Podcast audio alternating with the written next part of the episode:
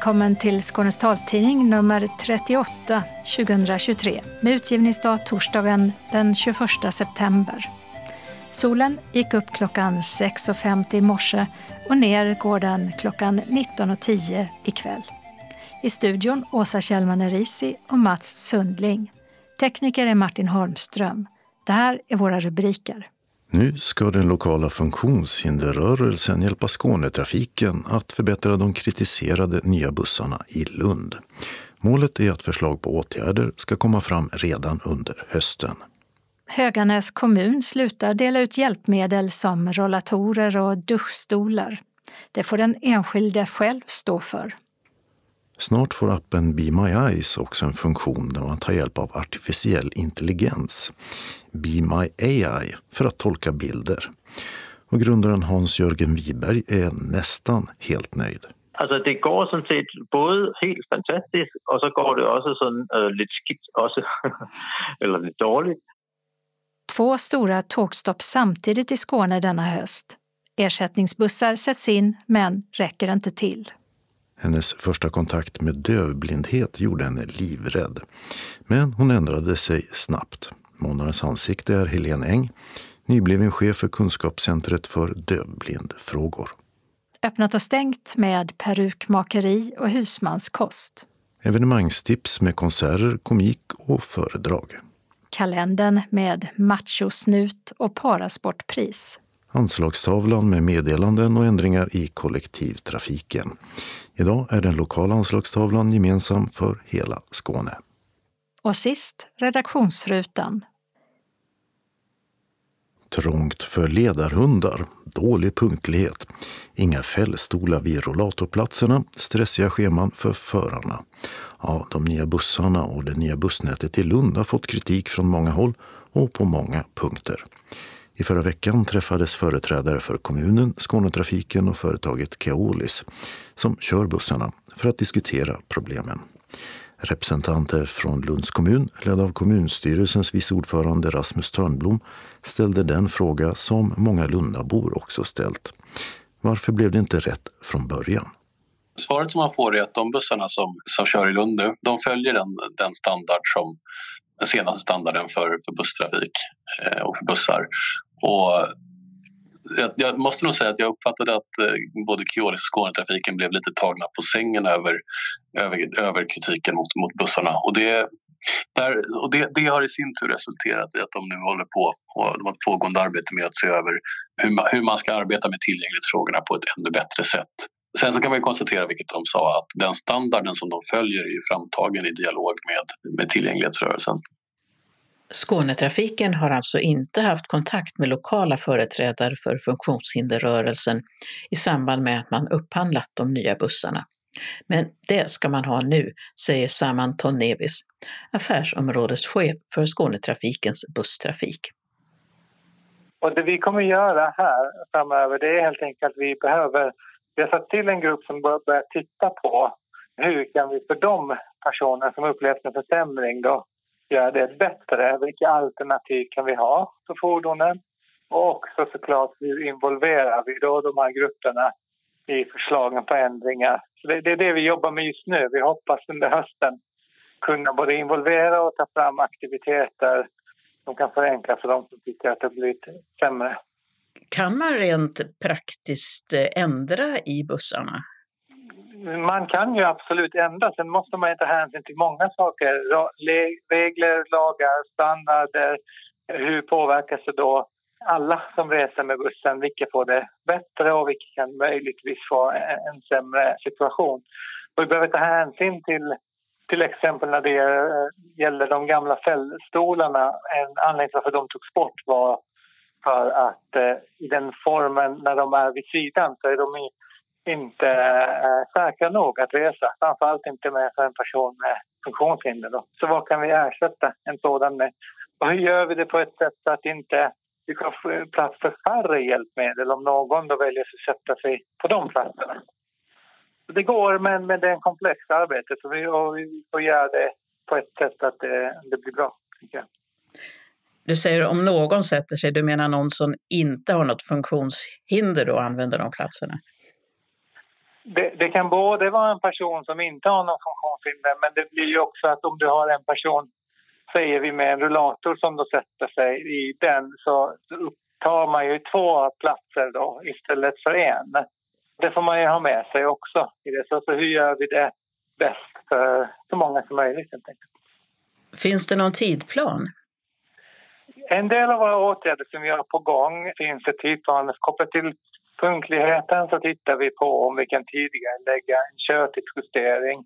Vi tittar på kan vi begränsa biltrafiken i alla fall under en provperiod runt Barngatan. Och då, de finns i tidsättningen. När det gäller arbetet med tillgänglighet så har vi en grupp som har just nu en uppgift att faktiskt ta fram olika alternativen i fordonen och också titta på hur kan vi på bästa sätt involvera olika organisationer. Så det här är ingen fa fast tidsplan just nu, men målet är att under hösten presentera åtgärdsförslag som, som vi kan börja få in i, i trafiken. Men under tiden då, de som eh, har svårigheter då att åka bussarna nu under tiden, vad säger du till dem? Jag säger att eh, för det första förstår jag kritiken och jag tar till mig den och jag tar den på, på allvar. Och här är det viktigt att alla som reser och de som framför våra fordon, att vi visar hänsyn till att det finns personer som har lite extra behov när de ska på och av i våra fordon. Det vi också tittar på är om vi kan eh, genom kommunikativa medel förklara vad, hur är det tänkt idag med hur man ska förflytta sig, vilka knappar, ledstänger etc. Och även för förarna då hjälpa dem och påminna dem om vikten av att, eh, att visa hänsyn till eh, personer med särskilda behov.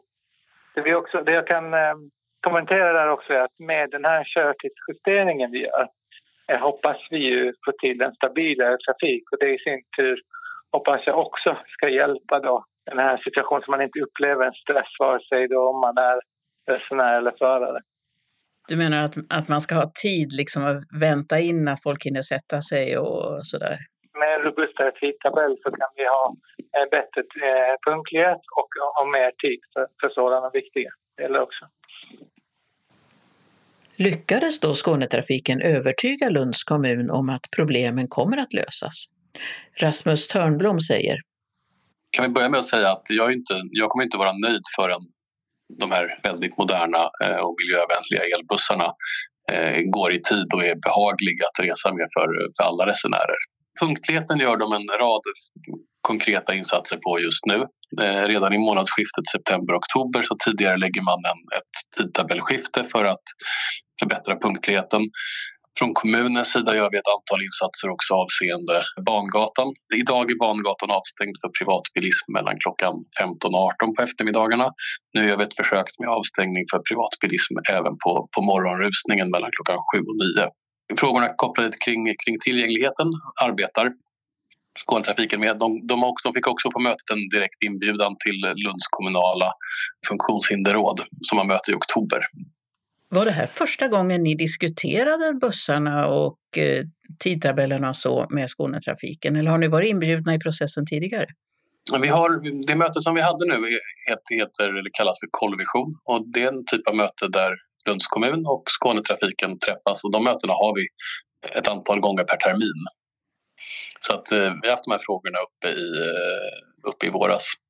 Men då fick ni inga antydningar om att det, att det skulle bli som det blev? Nej, hade vi, hade vi fått det hade det ju inte, hade det inte rullats ut på det sätt som, som, det, har, som det har gjort. Känner ni er eh, trygga nu i förvissningen om att det, att det kommer att bli bättre? Ja, helt trygg är man väl aldrig, men jag uppfattade väldigt tydligt att Skånetrafiken och Keolis tar det här på väldigt stort allvar. De vill att man ska kunna åka buss och vi har en väldigt tydlig gemensam målbild just kopplat till punktligheten kopplat till hur Lund som stadskärna och plats ska vara tillgänglig för, för resenärer oavsett förutsättningar. Har ni från kommunen några påtryckningsmöjligheter om det inte blir så bra som ni vill att det ska vara? Ja, inte minst eh, så bestämde vi oss ju för att eh, ha ett extra sånt där eh, möte nu, kollvisionmöte som det heter. Vi har lagt in ett extra sånt möte nu i oktober för att, för att följa upp. Alltså vi, vi har ju ett tätt samspel och kommunen äger ju gatorna och infrastrukturen och där är ju vi beredda att göra vad, vad vi kan för att möjliggöra för Skånetrafiken att göra sitt jobb så bra som möjligt. Lund är först ut av de fyra största skånska städerna med helt eldriven stadsbusstrafik. Drar Skånetrafiken några slutsatser av kritiken i Lund inför införandet i andra städer? Samand Tonnevis igen. Den här eh, gruppen som jobbar då eh, särskilt med tillgänglighetsfrågan har också fått i uppdrag att titta på inför framtida upphandlingar och kravställningar hur kan vi förbättra den processen både internt och hur kan vi involvera lokala organisationer mer, mer än vad vi har gjort innan. Vi har ju en del samverkan och vi följer de standarder som branschen eh, tar fram mycket mer dialog med, eh, med olika former av eh, organisationer. Men hur gör vi det mer lokalt? Det är en av de sakerna som också ska tas fram här. Det sa Saman Tonnevis, affärsområdeschef för Skånetrafikens busstrafik. Vi hörde också Rasmus Törnblom, moderat vice ordförande i Lunds kommunstyrelse. Reporter var Birgitta Fredén. I Höganäs har socialnämnden i kommunen beslutat att helt sluta dela ut hjälpmedel åt de som behöver. Det handlar om hjälpmedel som till exempel griptänger, duschstolar, toalettförhöjning och rullatorer, skriver Helsingborgs Dagblad. Och socialnämndens moderata ordförande Marie Tidedal säger citat det tar lång tid för arbetsterapeuterna och vi vill använda dem till rehabiliterande arbete. Men det handlar också om pengar och socialnämnden räknar med att spara kring 3,9 miljoner kronor inklusive löner på att låta de som behöver hjälpmedel själv köpa dem, skriver Helsingborgs Dagblad vidare. Idag finns det cirka 1300 personer i Höganäs som behöver hjälpmedel. Socialdemokraterna och Liberalerna röstade emot förslaget när det inte skickades tillbaka till förvaltningen för omarbetning som var det de i första hand hade velat. Och liberalen Roger Nilsson tycker att Höganäs går väl långt. Vi pratar mycket pengar här.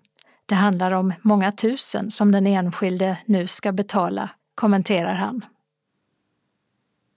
Snart lanseras en variant av appen Be My Eyes där blinda och synskadade istället för att som idag ringa en seende som kan hjälpa till att vara någons ögon istället kan välja att använda en artificiell intelligens som man skickar ett foto man tagit med sin iPhone.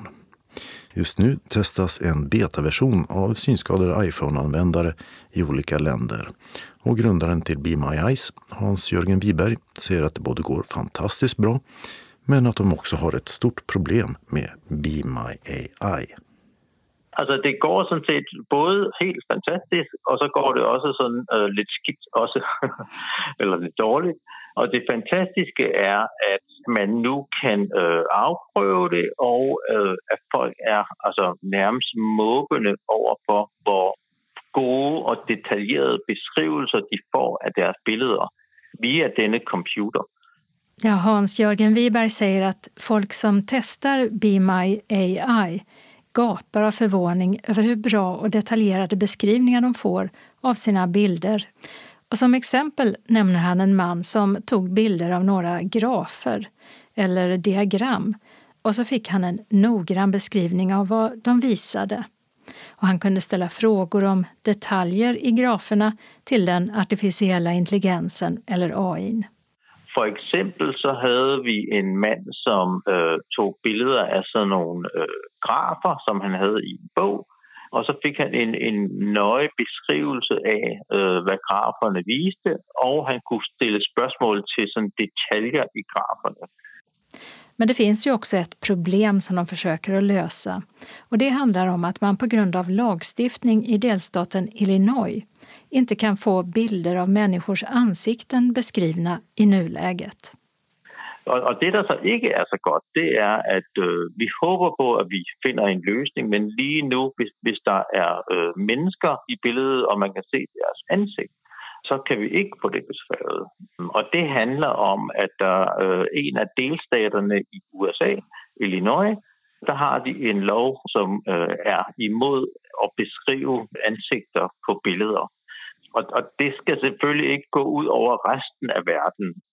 att totalt arbetar ett 20-tal personer med appen idag. Hälften i Danmark och andra hälften i USA. Och den firma som man arbetar med i USA heter OpenAI. Och de är självklart noga med att inte bryta mot någon av lagarna i USA, säger Hans-Jörgen Wiberg. Så det är en utmaning som vi arbetar med precis nu. För särskilt som blind, och han är själv blind, så tycker han att man har rätt att få beskrivit bilder av människor. Seende människor kan ju titta på bilderna och se ansiktena. Varför skulle vi då inte ha samma rättighet, frågar han sig. Men vi hoppas och är mycket förtröstningsfulla om att, øh, at kunne rette det problem där. Men, men, men det är faktiskt ett kæmpe för att, øh, især som blind har man ju, syns jag i alla fall, øh, jag är själv øh, blind, ret til at, at få beskrevet billeder, fuldstændig ligesom øh, seende mennesker. De kan kigge på billederne og se ansigterne, og altså, hvorfor skulle vi så ikke have øh, den samme rättighet? Och på min fråga om hur Be My AI kompletterar appen Be My Eyes, där man får hjälp av en människa som ingår i ett nätverk av volontärer, så svarar Hans Jörgen Wiberg att man har kunnat se att det finns en grupp personer som har laddat ner Be My Eyes, men som inte har använt den särskilt mycket eftersom de inte känner sig riktigt bekväma med att ringa till någon som de inte känner. Nu har vi haft Be My Eyes sedan 2015 och folk har øh, äh, varit glada för att använda det. Men vi har också kunnat konstatera att det faktiskt var en, en, en rätt stor grupp som inte brukade Be My Eyes. Alltså de hämtade den och hade den på deras telefon, men de brukade den i verkligheten inte. Og når vi så spørger, så var der mange, der sagde, at men altså, jeg, jeg har ikke rigtig brug for det og sådan noget. Men, men der var også en, en del, der sagde, jeg er ikke tryg ved, eller jeg har ikke lyst til at ringe til nogen, jeg ikke kender. Og måske er man lidt øh, generet, eller øh, føler sådan det øh, ukomfortabelt med, med at være i kontakt med nogen, man ikke sådan kender. Så øh, det, at man kan sende det her billede til en kunstig intelligens, det tager jo hele det der væk. Og, og vi kan jo se, at nogle af dem, som er vores mest ivrige beta-tester, det er netop nogen, der næsten ikke har brugt Be My Eyes. Men de er super glade for, at de netop ikke skal tale med en menneske.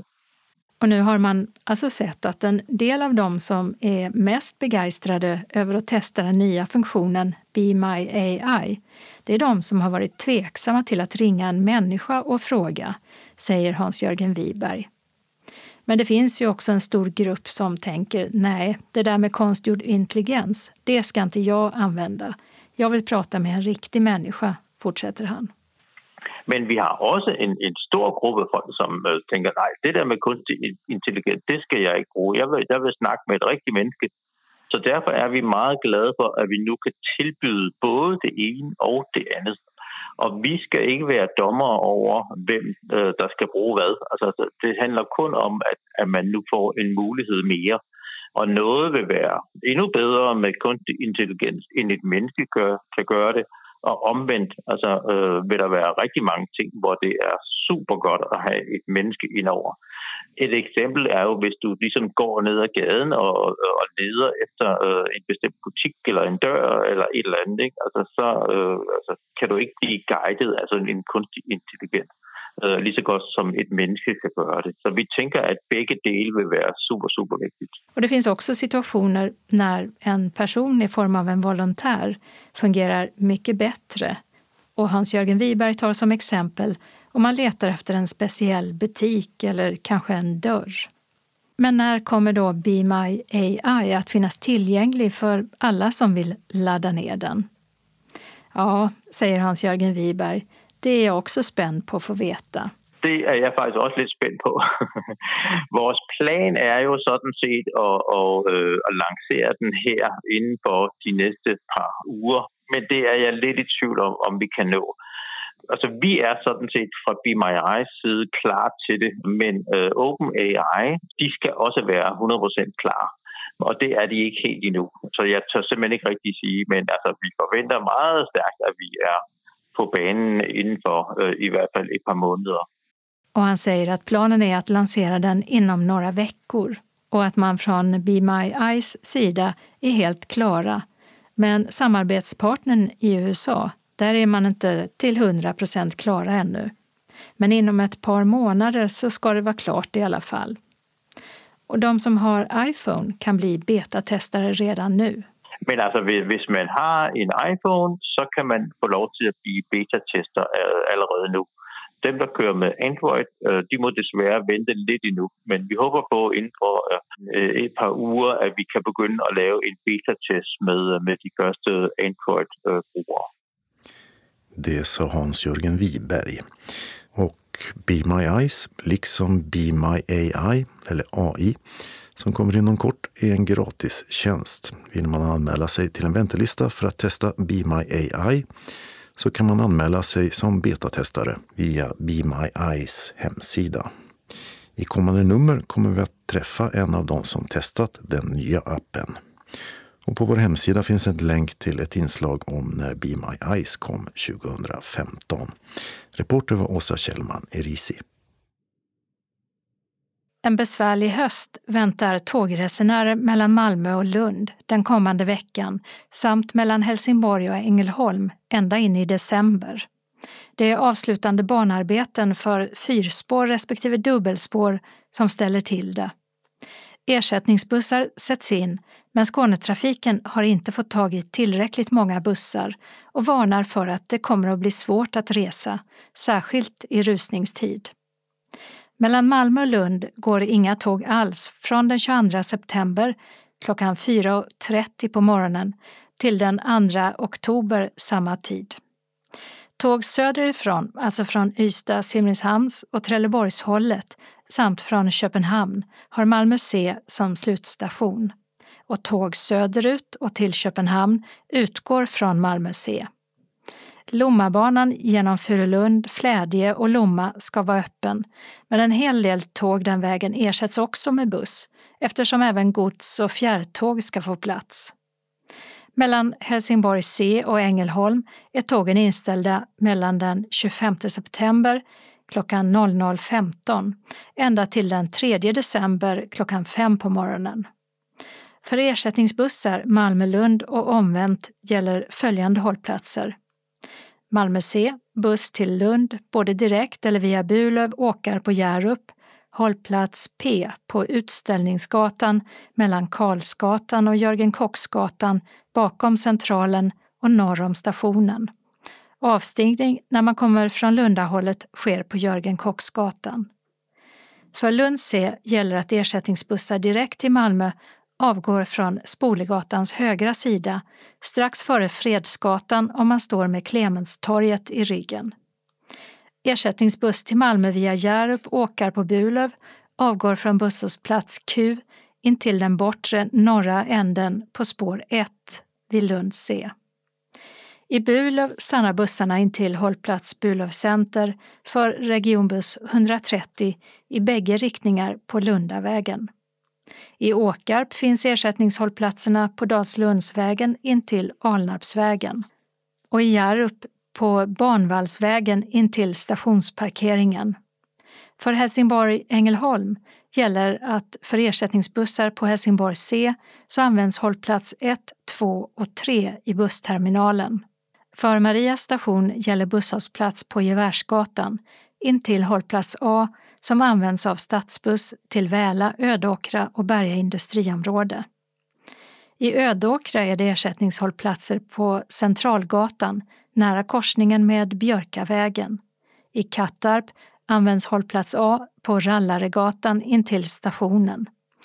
Och i Ängelholm gäller hållplats F nära Sockerbruksvägen och en bit framför hållplats E för stadsbuss 4 mot Havsbaden och 1 mot Midgården. Mellan den 25 september och den 2 oktober gäller ytterligare indragningar. Öresundstågen Malmö-Halmstad och Göteborg stannar inte i Landskrona och Helsingborg utan istället i Kävlinge, Teckomatorp, Svalöv, Kågeröd, Billesholm och Åstorp. Inga Öresundståg kör heller Helsingborg-Båstad. Extrainsatta pågatåg som ansluter till Öresundstågen i Kävlinge kör Kävlinge, Landskrona, Ramlösa, Helsingborg i båda riktningar. Pågatågen mellan Helsingborg och Förslöv samt Halmstad är inställda mellan dessa datum. För aktuell information hänvisar Skånetrafiken till reseplaneraren på nätet eller i appen, eller så ringer man 0771 77 77 77. Månadens ansikte heter Helen Eng. I hela sitt vuxna liv har hon arbetat med dövblind och hörselskadefrågor. De senaste tio åren som biträdande verksamhetschef på Nationellt kunskapscenter för dövblindfrågor, NKCDB, i Lund. Och i somras blev hon verksamhetsledare där. Arbetsplatsen finns i ett vackert gammalt rött tegelhus snett bakom Lunds domkyrka. Där träffade vår seende och hörande reporter Dodo Parikas henne och började med att fråga hur hon hade agerat där och då om han haft dövblindhet. Så jag börjat med att lägga handen på dig och säga god morgon, det är Helene. Sen hade jag ju behövt veta på vilket sätt du kommunicerar. En hel del personer med dövblindhet kan ju uppfatta tal och då hade jag självklart pratat för då hade det varit ditt första språk. Eh, jag hade tagit din hand som jag gör nu och med min hand under din pekat på det som jag beskriver så att du vet i vilken riktning som jag ser. Och du har ryggen mot dörren så när du tittar rakt fram så ser du sidan på Lunds domkyrka med de här två berömda tornen. Och hade du varit teckenspråkig så hade jag ju antingen tecknat visuellt om du har förmåga att se. Jag tror att jag hade behövt backa för väldigt många ser bättre på lite avstånd av någon som har dövblindhet. Men det beror på vilken typ av synnedsättning man har. Och för någon som inte kan det så hade jag fått teckna taktilt på samma sätt som jag visade att jag har min hand under din och tecknar det vanliga teckenspråket. Och så hade du avläst mig taktilt.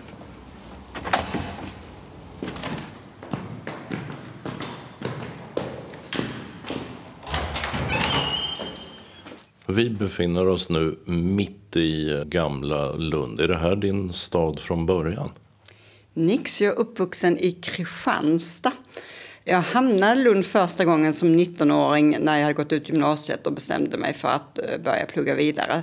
Och sen har jag varit till och från Lund några gånger, men nu för tiden, sedan 2019, så är det min hemstad också. Och din yrkesbana nu är du den som leder verksamheten. Men hur hamnade du här i ett perspektiv? Ja, det var på ett bananskal från början, men jag har faktiskt arbetat med dövblindhet på något sätt i hela mitt vuxna liv. Så ibland har jag tänkt att jag måste göra någonting annat. Men det här är ett väldigt spännande och utmanande fält. Så jag har sagt att jag ska sluta när jag känner mig fullärd. Och det känns inte som att jag kommer dit någon gång. Så jag, vi får väl se. Jag har själv en hörselnedsättning som blev sämre och sämre under min tonårsperiod. Och jag tänkte att jag kanske faktiskt blir döv. Och jag tyckte att hörapparater var väldigt fula, så det ville jag inte ha. Och då tänkte jag, hur ska jag då göra? Ja, men då måste jag kunna teckenspråk. Så jag började lära mig teckenspråk när jag var 14. Och eh, det ledde till att när jag var 18 så blev jag tillfrågad om att jobba som jag vet inte vilken titel jag hade, men det jag funkade som var egentligen som ledsagare och assistent till tre tjejer som växte upp här i Skåne som hade dövblindhet och alla tre använde sig av taktilt teckenspråk. Och jag hade aldrig mött det. Jag visste knappt om att det fanns något som hette dövblindhet och att man kunde leva ett gott liv med det. Så jag blev jättefascinerad av detta. Och en av dem som jag jobbade med då, henne får jag lov att nämna vid namn, det är Linda Eriksson som idag arbetar här på Nationellt kunskapscenter. Och hon har ju lärt mig otroligt mycket, men jag har fortfarande mer att lära. Sen pluggade jag till socionom. Och då, mitt allra första jobb var inte med dövblindhet, utan det var med döva med kognitiva nedsättningar. Men sen hamnade jag i Stockholm och arbetade på förbundet Sveriges dövblinda i fyra år. Och sen kom jag tillbaka till Skåne och då hamnade jag på Östervångsskolan som är en statlig specialskola för döva. Men jag fick ett specifikt uppdrag kring dövblindfrågorna. Ja, hur kom det sig? Förmodligen för att jag hade jobbat på förbundet Sveriges dövblinda och så är jag ju inte pedagog så att jag hamnade på deras kunskapscenter. Och specialskolan behöver också ha specifik kunskap kring vad händer när våra elever också ser dåligt för det är inte det som är deras specialitet. Så jag utbildade lärarna och jag jobbade med elever, att jag såg till att de fick lov att träffa varandra. Det finns fem specialskolor i Sverige som hade nationella träffar för de elever som då fanns på specialskolorna. Så det var några jättespännande år. Får jag bryta in? Då var du redan igång med det, det var självklart för dig. Men när du träffade de här tre tjejerna i början och kommunikationen var via taktilt teckenspråk. Hur var det? Hur tänkte du? Hur, hur gick det till? Det var en kvinna som heter Lena Bellman och som arbetar som tolk här i Skåne som var min teckenspråkslärare. Så det var hon som tillfrågade mig och hon berättade inte att Linda hade dövblindhet utan hon berättade att det var en ung tjej som behövde någon som var ganska ung för att följa med på fritidsaktiviteter. Och det lät ju som ett kul uppdrag. Så säger hon förresten, hon ser inte heller. Då satt jag i en bil på motorvägen. Jag hade helst velat hoppa ur bilen. För jag blev så, men vad menar du? Hur ska jag göra då? Alltså det kan inte jag. Och så, äh, det löser sig, säger hon. Och det gjorde ju det. Men jag blev faktiskt vettskrämd där. Men jag hade Lena med mig som var van och Linda som också var van på något sätt att lära upp folk att hur man ska göra. Men ändå, när du väl stod där, hur gjorde ni? Alltså att teckna taktilt till en person som har teckenspråket med sig är faktiskt inte speciellt svårt. Det handlar bara om att man måste våga vara nära. Jag tecknar vanliga tecken och i det här fallet Linda då håller sin hand ovanför och följer med. Sen i teckenspråket så är det väldigt mycket som är visuellt i ansiktet. Alltså till exempel påstående och fråga kan ha samma teckenföljd. I svenskan så har vi ofta frågeord i början så att jag förstår att du inte påstår. Den där är röd. Är den röd? Då har vi bytt ordföljd. I tecken så är det samma. Då måste jag ju markera att detta är en fråga. Så sådana tips och tricks måste man liksom tänka på att här måste jag förtydliga så att den jag pratar med förstår. Och det där lär man sig efterhand. Jag tänker det viktigaste är faktiskt att man vågar prova. Och som i all kommunikation, jag ser ju på dig om du inte riktigt förstår mig och då backar jag och tar om eller så frågar du mig. Då var det inte så fasligt som du trodde där i bilen för att du kunde använda den kunskap som du hade. Annars hade jag väl hoppat av och inte fortsatt. Jag tyckte bara att det var roligt. Sen är det ju väldigt olika beroende på vilka man möter. Och Linda har ju då haft sin dövblindhet sedan hon var liten och var van. Det är många personer som kanske har diagnoser som gör att både syn och hörsel blir sämre och sämre. Då har de ju en utmaning också att byta kanske att gå från ett visuellt teckenspråk till ett taktilt, det kräver ju träning för den personen som ska byta sätt att ta in och då måste jag ju också kanske teckna långsammare eller tydligare för att det ska hänga med. Ja, Helene Eng kunde alltså tidigt använda sina erfarenheter och bygga upp en inre kunskapsbank om dövblindhet som hon eh, både tidigare och nu haft stor nytta av i sitt arbete.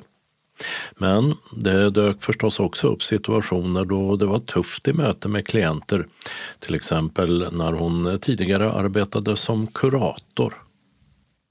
Egentligen så är det ett väldigt roligt jobb att hjälpa människor att hitta strategier som gör att de mår bättre. Så att för det mesta så blev jag bara glad. Men det fanns dagar när man kände att åh, hjälp. Och då får man ju prata och då får man göra det under handledning så att man liksom inte bryter tystnadsplikten. Det går inte hem och göra det med sin partner där hemma.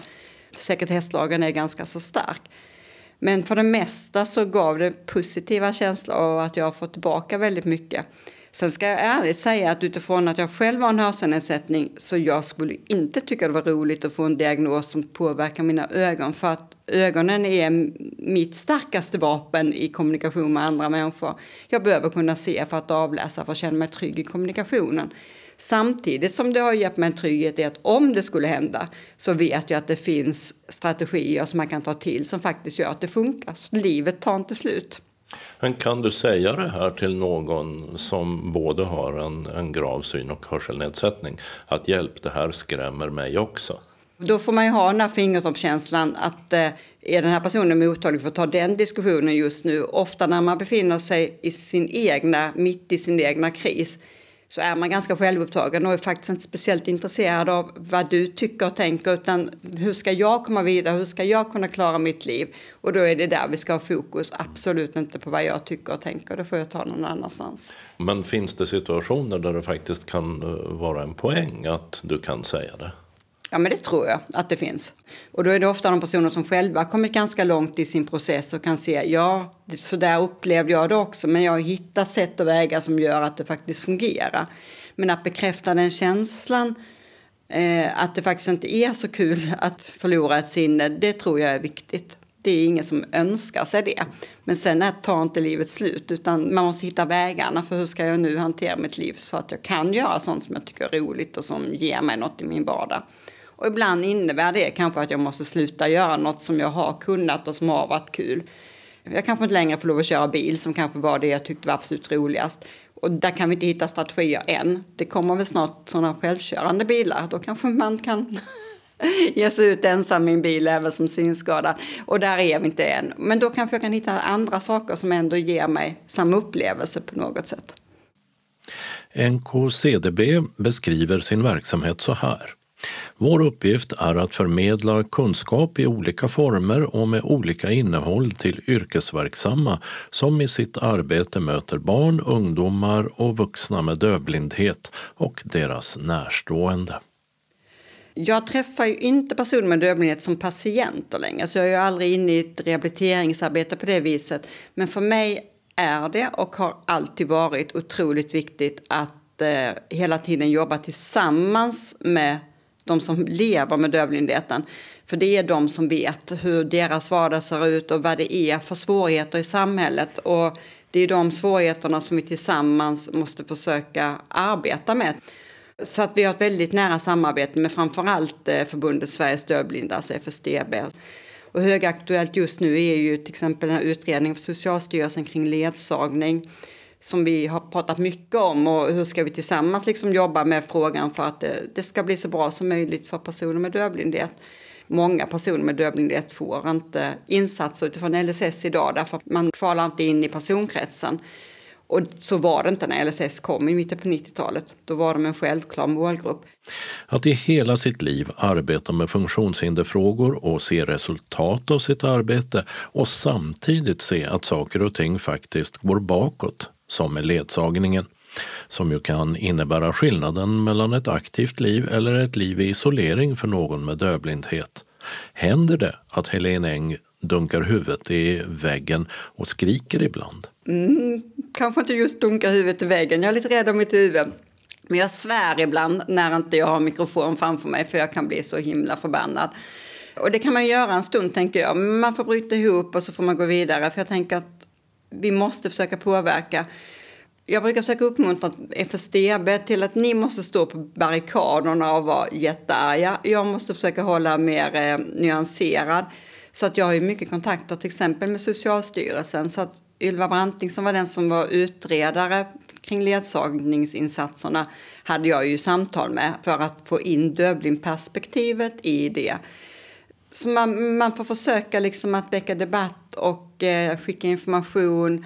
Aldrig säga nej när någon från de här myndigheterna ringer och vill veta någonting utan verkligen se till att de då får fakta som jag tänker att man behöver för att få insikten att hur är det egentligen att leva med den här funktionsnedsättningen i vårt samhälle. Ja, hur är det? Samhällsklimatet upplever jag har blivit hårdare men sen när man får rätt insatser så kan man ju göra nästan precis vad som helst egentligen men vi ser ju att folk far illa av att inte just få rätt insatser. Får du lust ibland att springa iväg själv och ordna någonting åt någon? Ja, men det har hänt att jag har eh, sagt att då kan jag följa med och ledsaga. Och det kan man ju göra några enstaka gånger, men det är ju, då har man räddat situationen kanske just då. Men jag kan inte göra det varje vecka. Och den personen kommer att känna liksom någon slags tacksamhetsskuld, vilket inte jag tycker är okej. Okay. Utan det, det, här ska vara liksom självklart att jag har rätt att få den här insatsen och den som ger mig den får faktiskt också betalt från samhället för att göra det. Att det är ett jobb som all, alla andra. Jobb, ja. Men hur ser Helene Engs fritidsintressen ut?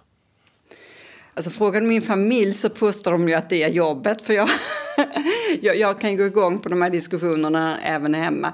Men man måste göra någonting annat. Jag tycker mycket om att vara ute i naturen, åka ut och bara gå i skogen. Och jag hör inte fåglarna, men jag brukar se dem och ibland kan jag fråga, låter det mycket här? Och så då kan jag nästan tänka tillbaka hur det var när man hörde allt fågelkvittret, andas den friska luften som finns där.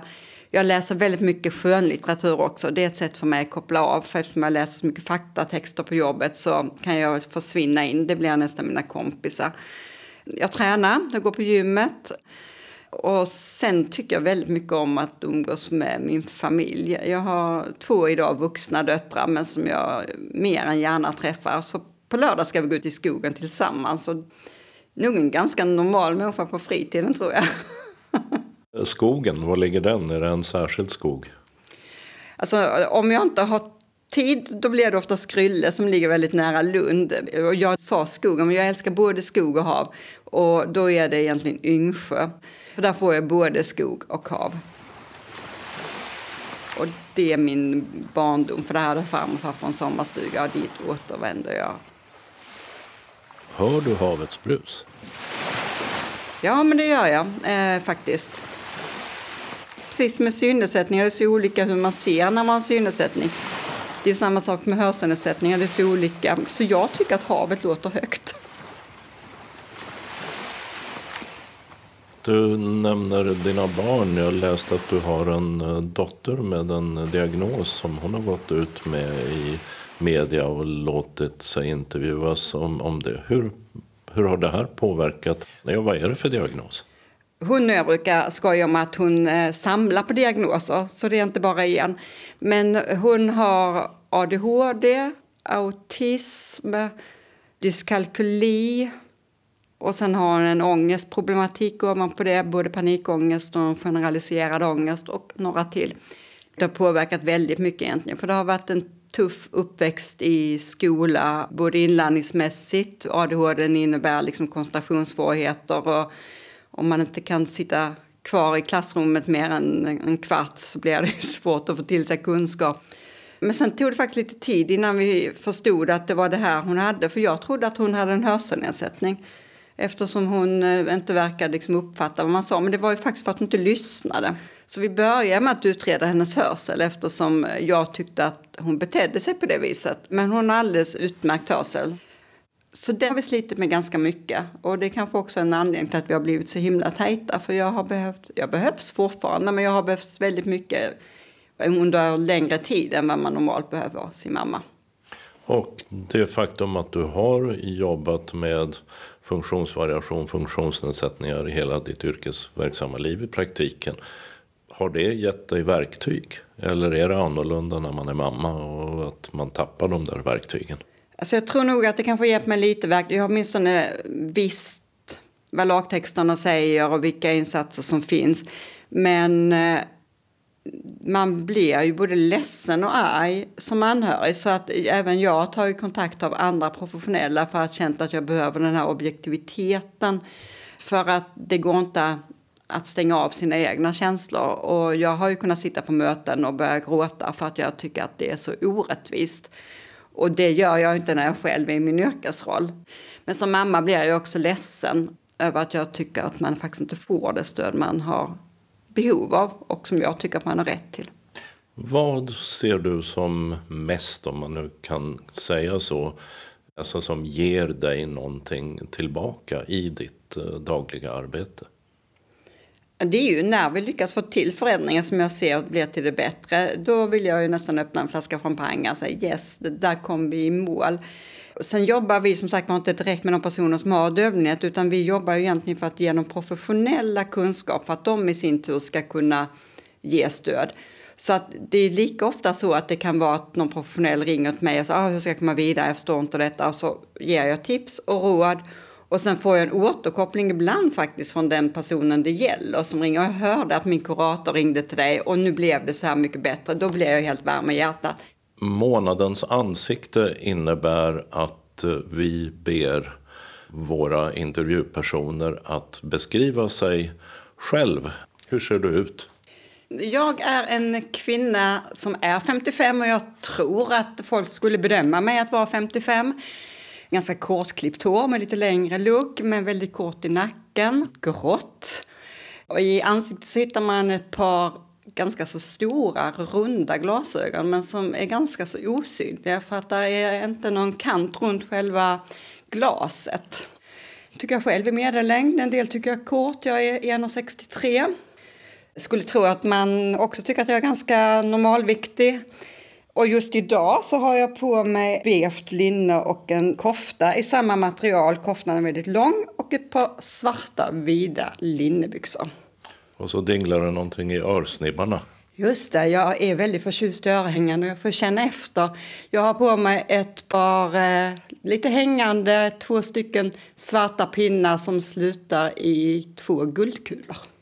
Om man tittar mitt pass så står det att jag har melerade ögon. Det är både brunt, grönt och blått. Och de flesta brukar säga att jag har gröna ögon.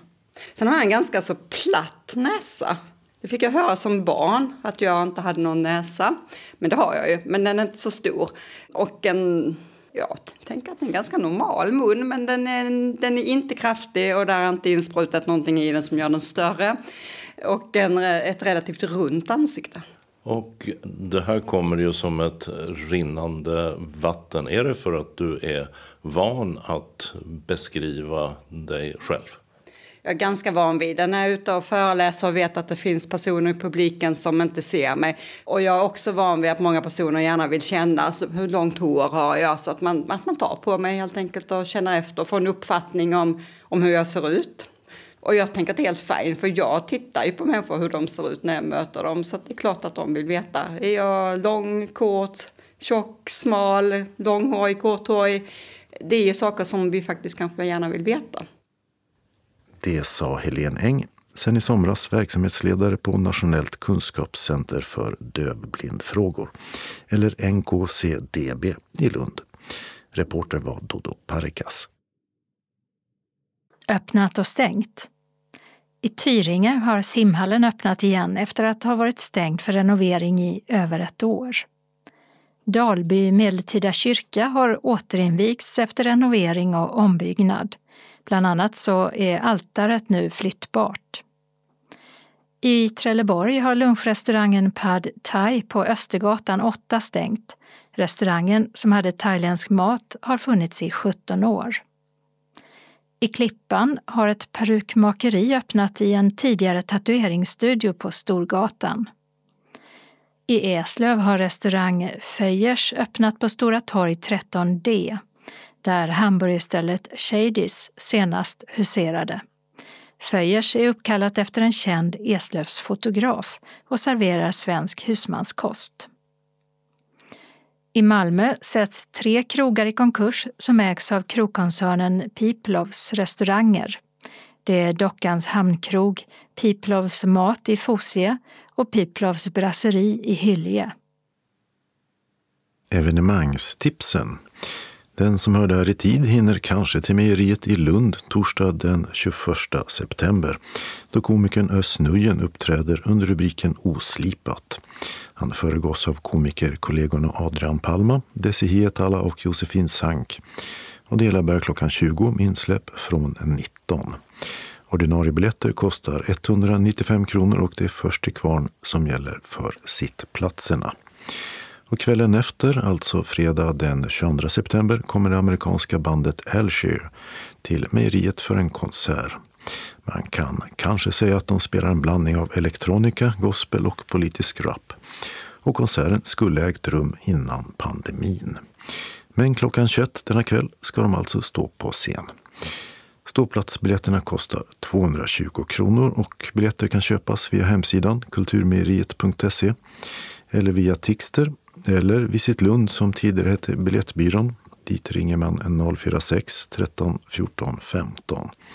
Eller via Folk och Rock i Malmö 040 781 03. Författaren och journalisten Göran Rosenberg kommer till Bosjö kloster på söndag den 24 september. Där ska han föreläsa och hålla i finissagen, alltså avslutningen på sommarens konstutställning Krigets vindar. Och den utställningen består av verk av den politiska tecknaren och skulptören André Pra som också jobbat som journalist på bland annat Expressen. Klockan 14 framför också Hörs musikskola delar ur Kung Mattias i Kulturstallet. Vill man veta mer kan man ringa 0413 250 48. Författaren Claes Östergren fick på 80-talet sitt stora genombrott med romanen Gentlemen och har sedan dess blivit en av landets populäraste berättare. I höst ger han sig ut på en scenturné kallad Östergren om Östergren som också är titeln på en samtalsbok med Stephen Farron Lee. Farron Lee är också med på scen i ett samtal som ska blanda biografi och fiktion och dessutom handla om författarens hantverk. Med musik specialskriven av Mattias Alkberg vars band The Bear Quartet tog sitt namn från just boken Gentlemen. Tre föreställningar blir det i Skåne. Först torsdag den 28 september 19.30 i Slakthuset i Malmö. Dit säljer Eventim biljetter för 460 kronor. Samma klockslag den 29 september kommer de till Stadsteatern i Lund. Dit Tixter säljer biljetter för samma pris. Och lördag den 30 september kommer Östergren till The Tivoli i Helsingborg. Dit man kan förköpa biljetter hos Tixter för 425 kronor. Och här går en ledsagare med gratis, men biljett för 0 kronor måste ordnas. Start klockan 15. Ståuppkomik under rubriken Oslipat blir det också på Babel i Malmö onsdag den 4 oktober klockan 20 med insläpp från 19. Förutom komikern Robin Paulsson kommer också Eleni Tångstedt som bland annat uppträtt med sin soloföreställning GAG som står för Galen arg grek runt om i Sverige och Kristoffer Fernis som vann Grand Comedy Slam på Lund Comedy Festival för några år sedan med flera.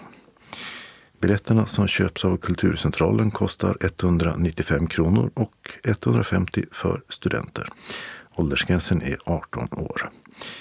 Showen i huvudet på Claes Malmberg kommer som vi nämnt tidigare till Kulturkvarteret i Kristianstad och Ystad teater. Men även Palladium i Malmö gästas av föreställningen som ska vara en komisk resa genom 40 år av Malmbergs liv och scenkonst.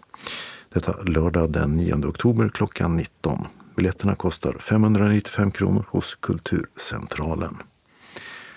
Sångaren Magnus Carlsson var i våras ute på en turné med sitt band Weeping Willows. Och i höst gör han en turné med Jesper Lindell och hans band. I bagaget har de en gemensam soul country-skiva. Torsdag den 12 oktober klockan 20 spelar de på Mejeriet i Lund. Ståplats kan bokas hos Dixter för 495 kronor. Torsdag 9 november klockan 20.30 uppträder de på The Tivoli i Helsingborg. Dit kan man förköpa ståplatsbiljetter för 560 kronor hos Tixter. Och den 10 november klockan 20 blir Kulturkvarteret i Kristianstad sista skånska stoppet. Och här är inträdet 595 kronor. På Malmö Live är det jubileumskonsert med Spårvägens och Söderslätts musikkår söndag den 15 oktober. Sångerskan Sofia Källgren och Lasse Kronér uppträder när båda musikkårerna jubilerar. Spårvägens musikkår firar 115 år medan Söderslätts musikkår startades för 85 år sedan. Biljetterna kostar 395 kronor och köps av Malmö Live. Föreställningen börjar klockan 15 och ska vara i två timmar inklusive paus. Biljettinformation. Eventim nås på 0771 65 10 00. Tixter 0771 47 70 70. Malmö Live och Konserthus 040 34 35 00. Kulturcentralen 040 10 30 20. Kulturkvarteret i Kristianstad 0709 20 58 04.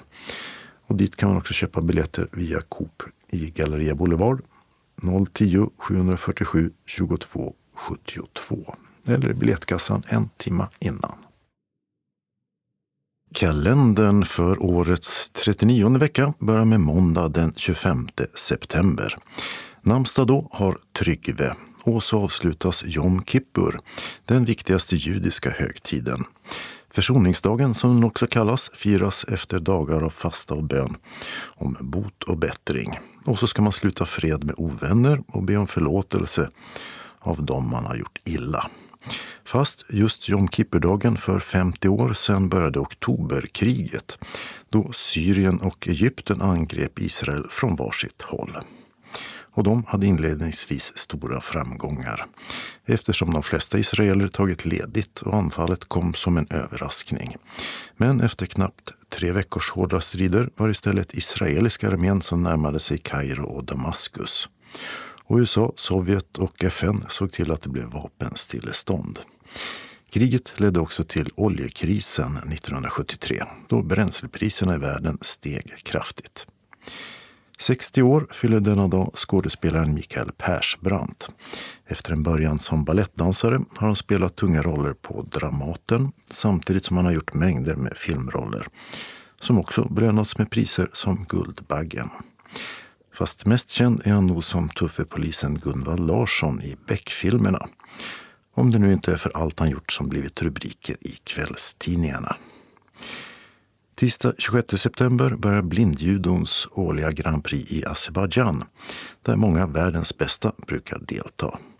50 år fyller den svensk-norska skådespelaren Maria Bonnevi som förutom sina teaterinsatser på Dramaten har gjort både tv och film. Till exempel häromåret i danska Thomas Winterbergs En runda till. Och 40 år fyller kollegan Ebba Hultqvist. Hon är nog fortfarande mest känd som läkardottern Vilma i tv-serien Skärgårdsdoktorn som blev en stor framgång i slutet av 90-talet. Och det är också namnsdag för alla som heter Enar och Einar. Onsdag 27 september firar vi Dagmar och Rigmor. Årets Parasports Awards delas ut till parasportare och andra förtjänta från hela världen. Prisutdelningen sker i Bahrain där den internationella paralympiska kommittén IPC samtidigt ska ha möte. Det lilla västafrikanska landet Guinea-Bissau fyller samma dag 50 år. Den här dagen 1973 förklarade den då portugisiska kolonin sig för självständigt. Landet är granne med Senegal och Gambia och har ungefär 2 miljoner invånare. 80 år fyller musikern och skådespelerskan Geija Sundström som debuterade som vis och slagersångerska på 60-talet. Och på 80-talet visade hon sina komiska talanger i tv-programmet Gäster med gester. Mest känd är hon nog för sitt samarbete med Stefan Demert eller för sin tolkning av den här låten från 1972. I fjol så gick jag med herrarna i hagen. Aj, aj, herrarna i hagen. Ja, med herrarna i hagen. I år har jag någonting som sparkar i magen. Aj, aj, sparkar i magen. Ja, som sparkar i magen. I fjol var jag klädd ut i långskörtartröja Aj, aj, långskörtartröja Ja, ut i långskörtartröja I år får till lindel och blöja. Aj, aj, lindel och blöja Ja, till lindel och blöja. I fjol var jag klädd ut i nysidenklänning Aj, aj, nysidenklänning Ja, ut i nysidenklänning I år är den full utav barnskit och välling. Aj, aj, barnskit och välling Ja, utav barnskit och välling Torsdag 28 september börjar Bokmässan i Göteborg som sägs vara landets största kulturevenemang med många tusen besökare fram till söndagen. Ett av årets teman är ljud och då menas ljudböcker, poddar och deras skapare. Talade berättelser har ju funnits i tusentals år och här ska man bland annat diskutera framtida kopplingar mellan litteratur och ljud. Namnsdag är det för Lennart och Leonard. Fredag 29 september börjar VM i artistisk gymnastik i belgiska Antwerpen. Inte en sport med stora svenska historiska framgångar, men eftersom Sveriges damlag kom på tionde plats i EM i våras får man vara med här. Och Marcus Stenberg från Luleå tävlar på herrsidan. Polske Lech Wałęsa var med och grundade den fria fackföreningen Solidaritet som förbjöds av kommunistregimen men till sist blev avgörande för övergången till demokrati i landet. Och för det fick han Nobels fredspris. Och mellan 1990 och 1995 var han också Polens president. Nu fyller Lech Wałęsa 80 år och Mikael och Mikaela har namnsdag. Lördag 30 september är det parlamentsval i Slovakien och opinionsundersökningar pekar på att det kan bli maktskifte. Med den tidigare premiärministern Robert Fico som vinnare i spetsen för en nationalistisk och populistisk koalition. Till skillnad mot den nuvarande regeringen har han månat om goda relationer med Ryssland. Och kritiker varnar för att stödet till Ukraina och som en följd EUs dito kan vara hotat. Liksom demokratin i Slovakien. Men det liberala partiet Progressiva Slovakien sägs också ha en möjlighet att vinna tillräckligt stöd för att fortsätta leda landet. Och det är Helge som har namnsdag. Söndag den 1 oktober är det den helige Mikaels dag. Och namnsdag det har Ragnar och Ragna. Den regionala anslagstavlan börjar med ett meddelande från SRF Malmö Svedala som hälsar välkommen till syntolkarteater på Intiman. Medlemmar från andra delar av Skåne är också välkomna. The World is full of married men, en pjäs baserad på Jackie Collins debutroman, gjorde skandal när den kom 1968. Lämna prydheten hemma och kom och upplev en teaterkväll utöver det vanliga. Tisdagen den 31 oktober klockan 19, samling 18.15 på Intiman, Östra Rönneholmsvägen 22 i Malmö. Priset är 250 kronor, ledsagare går kostnadsfritt. Och betalning sker till bankgiro 192-9645 eller swish 123 077 8050 senast den 25 oktober. Skriv teater och namnet på deltagaren vid betalningen. Biljetterna delas ut på plats. Föreställningen börjar klockan 19 och varar i två timmar inklusive paus. Pjäsen är en lustfylld blandning av såpopera, satir, pornografi och dramatik där alla måste slå sig fram för att nå sina mål. I minutiösa 60-talsmiljöer i dockskåpsstorlek utspelar sig en historia full av lögner, passion och maktbegär. På hotellrum, nattklubbar, filmstudios och takterrasser i 1960-talets London frotterar sig miljonärer, fotomodeller och Hollywoodregissörer. Livet handlar om karriär, party och sex. Cigarettröken som förekommer i föreställningen är ofarlig och består av vattenånga. Föreställningen innehåller även inslag av stroboskopljus. Detta är ett samarbete mellan Malmö stadsteater och Malmö dockteater. Och vi har förbokat ett begränsat antal biljetter. Resersättning utgår som vanligt från SRF Skåne för resor utanför Malmö när kvittot har skickats in inom tre månader efter syntolkningstillfället. Anmäl dig till kansliet på telefon 040-25 05 40 eller mejla info srfmalmo.se senast onsdagen den 27 september. Berätta vid anmälan om du behöver lur och eller ledsagning. Meddela även om du är i behov av en inbetalningsavi. Om ni har frågor om föreställningen eller behöver komma i kontakt med någon så kan ni ringa Maj-Britt Ryman på telefon 0703 24 66 09. Hjärtligt välkomna önskar styrelsen. Och vi har ett annat meddelande från SRF Malmö Svedala. Nu fortsätter vi med bastubad på Öresunds Funkis under hösten. Vi börjar den 28 september och avslutar med det stora julbadet den 7 december. Vi träffas varannan torsdag mellan klockan 18 till 21. Vi badar bastu tillsammans och de som är modiga tar ett dopp i Öresund. Du tar själv med dig det du anser att du behöver under kvällen. Badtofflor är bra för oss som tänker sig ut i sundet. Det kommer att vara gemensam bastu. Anmäl dig till kansliet senast torsdagen för aktiviteten före klockan 12. Ring Maj-Britt om du får förhinder eller har frågor. Och du kan också ringa Mikael 0761 91 04 66. Och vi hälsar även medlemmar från andra föreningar välkomna.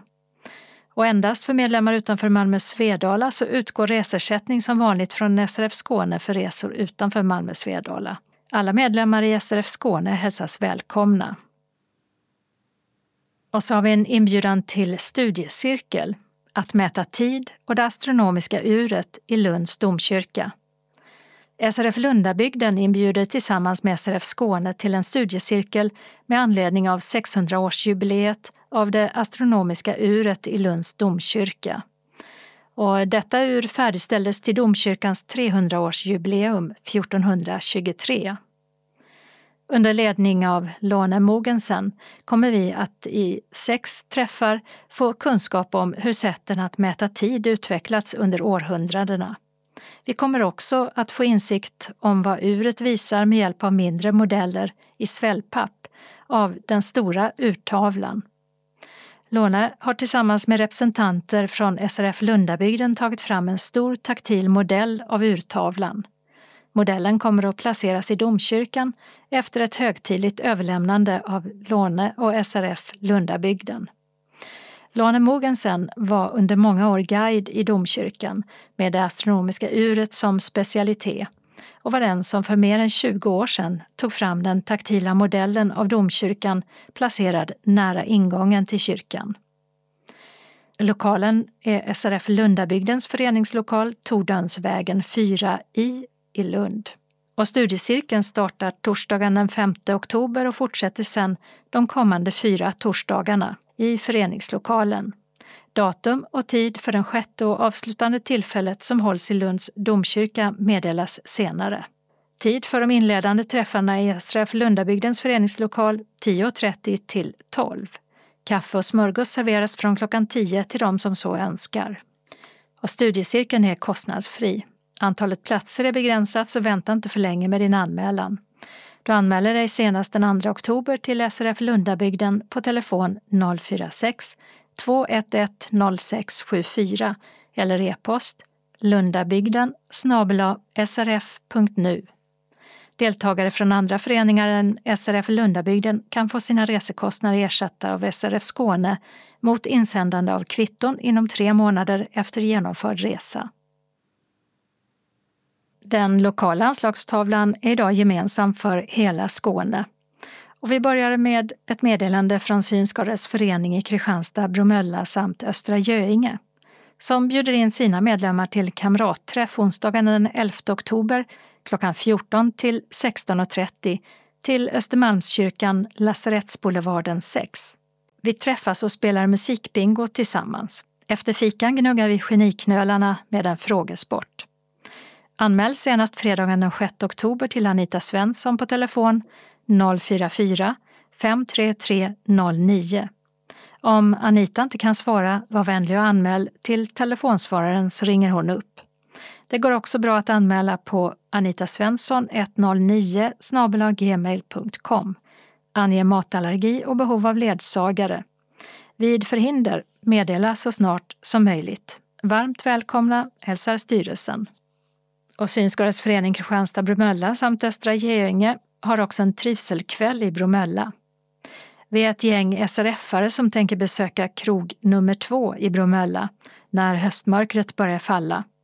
Tanken med detta är att äta och dricka något gott i goda vänners lag. Hoppas ni tycker detta är en bra idé. Ni är alla hjärtligt välkomna. Var och en står för sin nota. Vi träffas på krog nummer två, Korsholmsvägen 2 i Bromölla fredagen den 6 oktober klockan 18. Vi åker hem när vi vill, de stänger klockan 22. Ingen föranmälan behövs. Vid frågor ring Torbjörn på 0709 405862. Väl mött till en härlig stund tillsammans. Hälsningar styrelsen. Synskadades förening Kristianstad-Bromölla samt Östra Göinge informationsträff om vardagstips och samtal.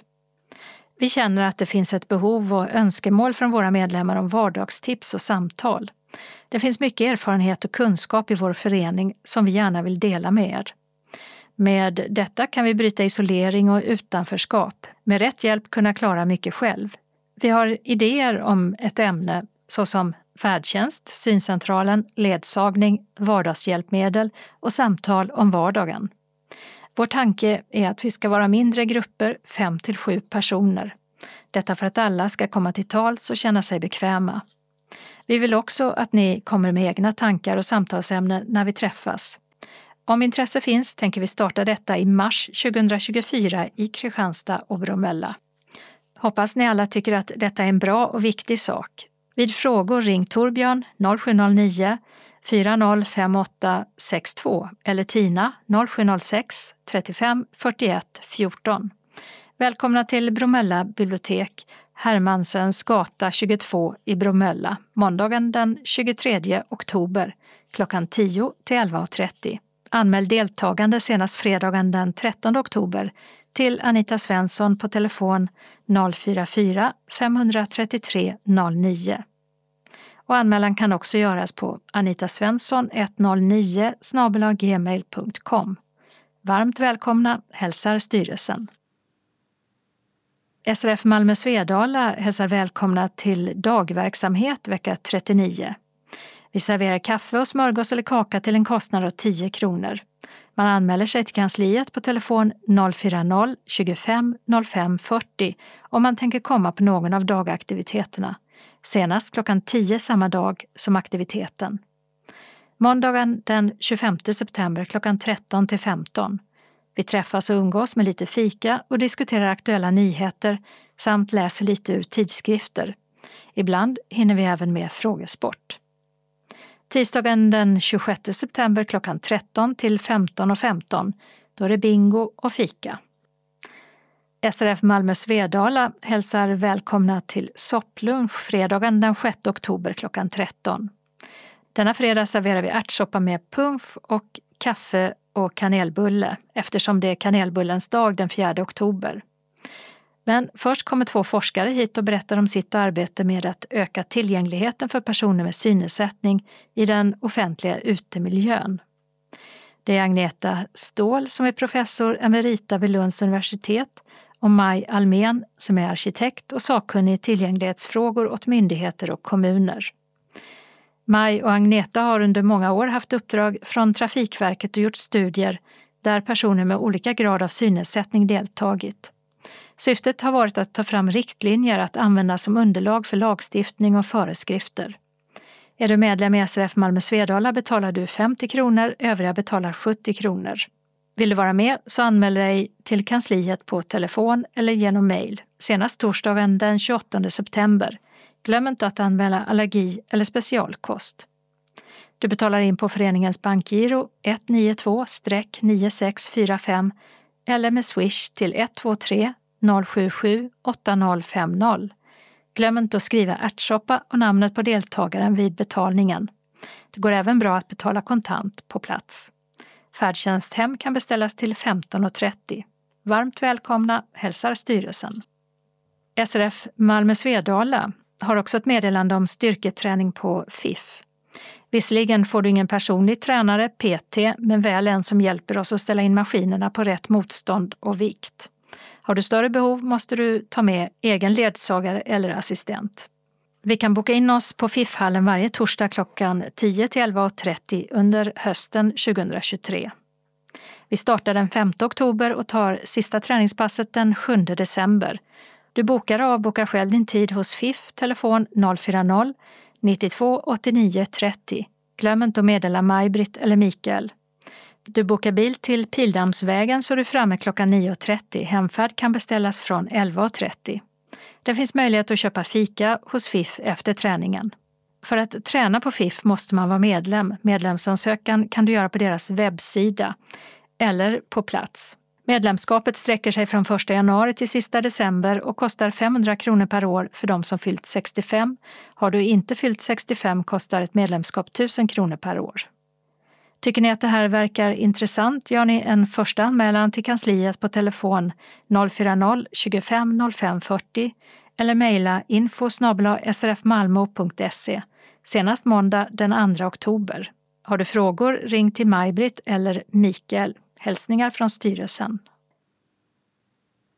så har vi en inbjudan från SRF Västra Skåne som hälsar sina medlemmar välkomna till gåsamiddag fredagen den 10 november på Möllegrändens festvåning, Möllegränden 8 i Helsingborg.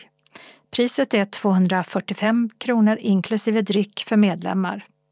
Vi samlas klockan 12.30 med hemfärd 16.30. Observera att anmälan sker senast den 29 september till Gunnel på telefon 0733 595083. Meddela eventuell allergi och vilken soppa, svart eller svamp, du vill ha. Deltagaravgiften ska betalas senast den 2 november till bankgiro 5954-3017.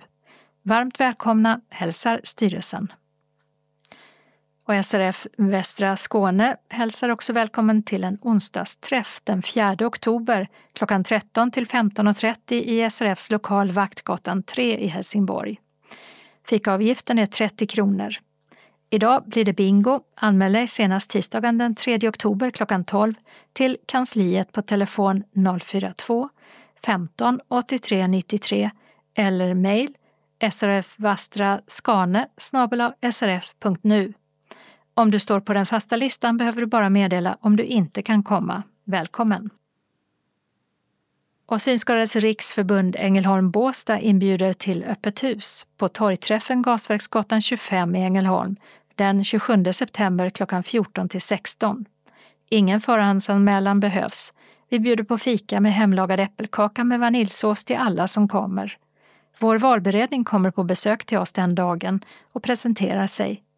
Om du vill kandidera eller nominera en person till vår styrelse så är ni varmt välkomna att ringa till Anna-Lena Päckele 070-360 06 47 Kristina Arens 070 144 68 68 Anita Gundersen 072 399 20 44. Välkomna styrelsen! Kollektivtrafiken och vi har en tillfällig ändring i busstrafiken som gäller Helsingborg och Ramlösa vägen och som påverkar resenärer på linje 3, 4 och 25. Arbetet med hållplatsombyggnad är redan igång och pågår till och med den 9 oktober. Det innebär att hållplats Elinebergsplatsen läge B stängts. Resenärerna hänvisas till en tillfällig hållplatsläge som upprättats cirka 75 meter bakåt motsatt bussens färdriktning på Ramlösa vägen. Och vi har också en ändring i busstrafiken i Helsingborg på Kadettgatan. Ett vägarbete som redan är igång och pågår i en första etapp till den 25 oktober gör att linje 2 får en tillfällig körväg och hållplats Västra Berga skola, läge A stängs. Hänvisning till tillfällig hållplats läge X, cirka 60 meter söderut på Kadettgatan. Och hållplats Västra Berga skola läge B stängs också. Hänvisning till tillfällig hållplats läge Y, cirka 40 meter söderut på Kadettgatan. Så har vi en ändring i busstrafiken i Ängelholm och Gåsahallsvägen som berör resenärer på linje 3 fram till och med den 20 oktober. Här anlägger man en ny hållplats vilket för med sig att hållplats Abborrgränd, läge A, stängs. Hänvisning till tillfällig hållplats i Vändslingan vid Nyhemsskolan, cirka 200 meter i nordvästlig riktning. Hållplats Ackas gränd, läge A, stängs. Hänvisning till tillfällig hållplats i Vändslingan vid Nyhemsskolan cirka 600 meter i nordvästlig riktning. Och så har vi en tillfällig ändring i busstrafiken som gäller linje 542 i Broby i Östra Göinge kommun och Sibbhultsvägen från den 25 september till den 6 oktober. På grund av ett vägarbete stängs Sibbhultsvägen för genomfart i anslutning till korsningen med Lagervägen.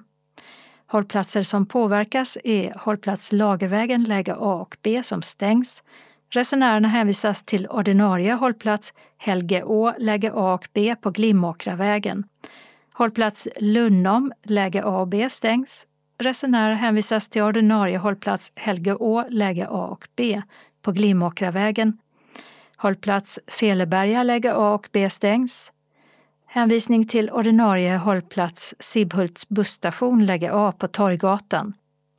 Hållplats Färeköpsvägen läge A och B stängs.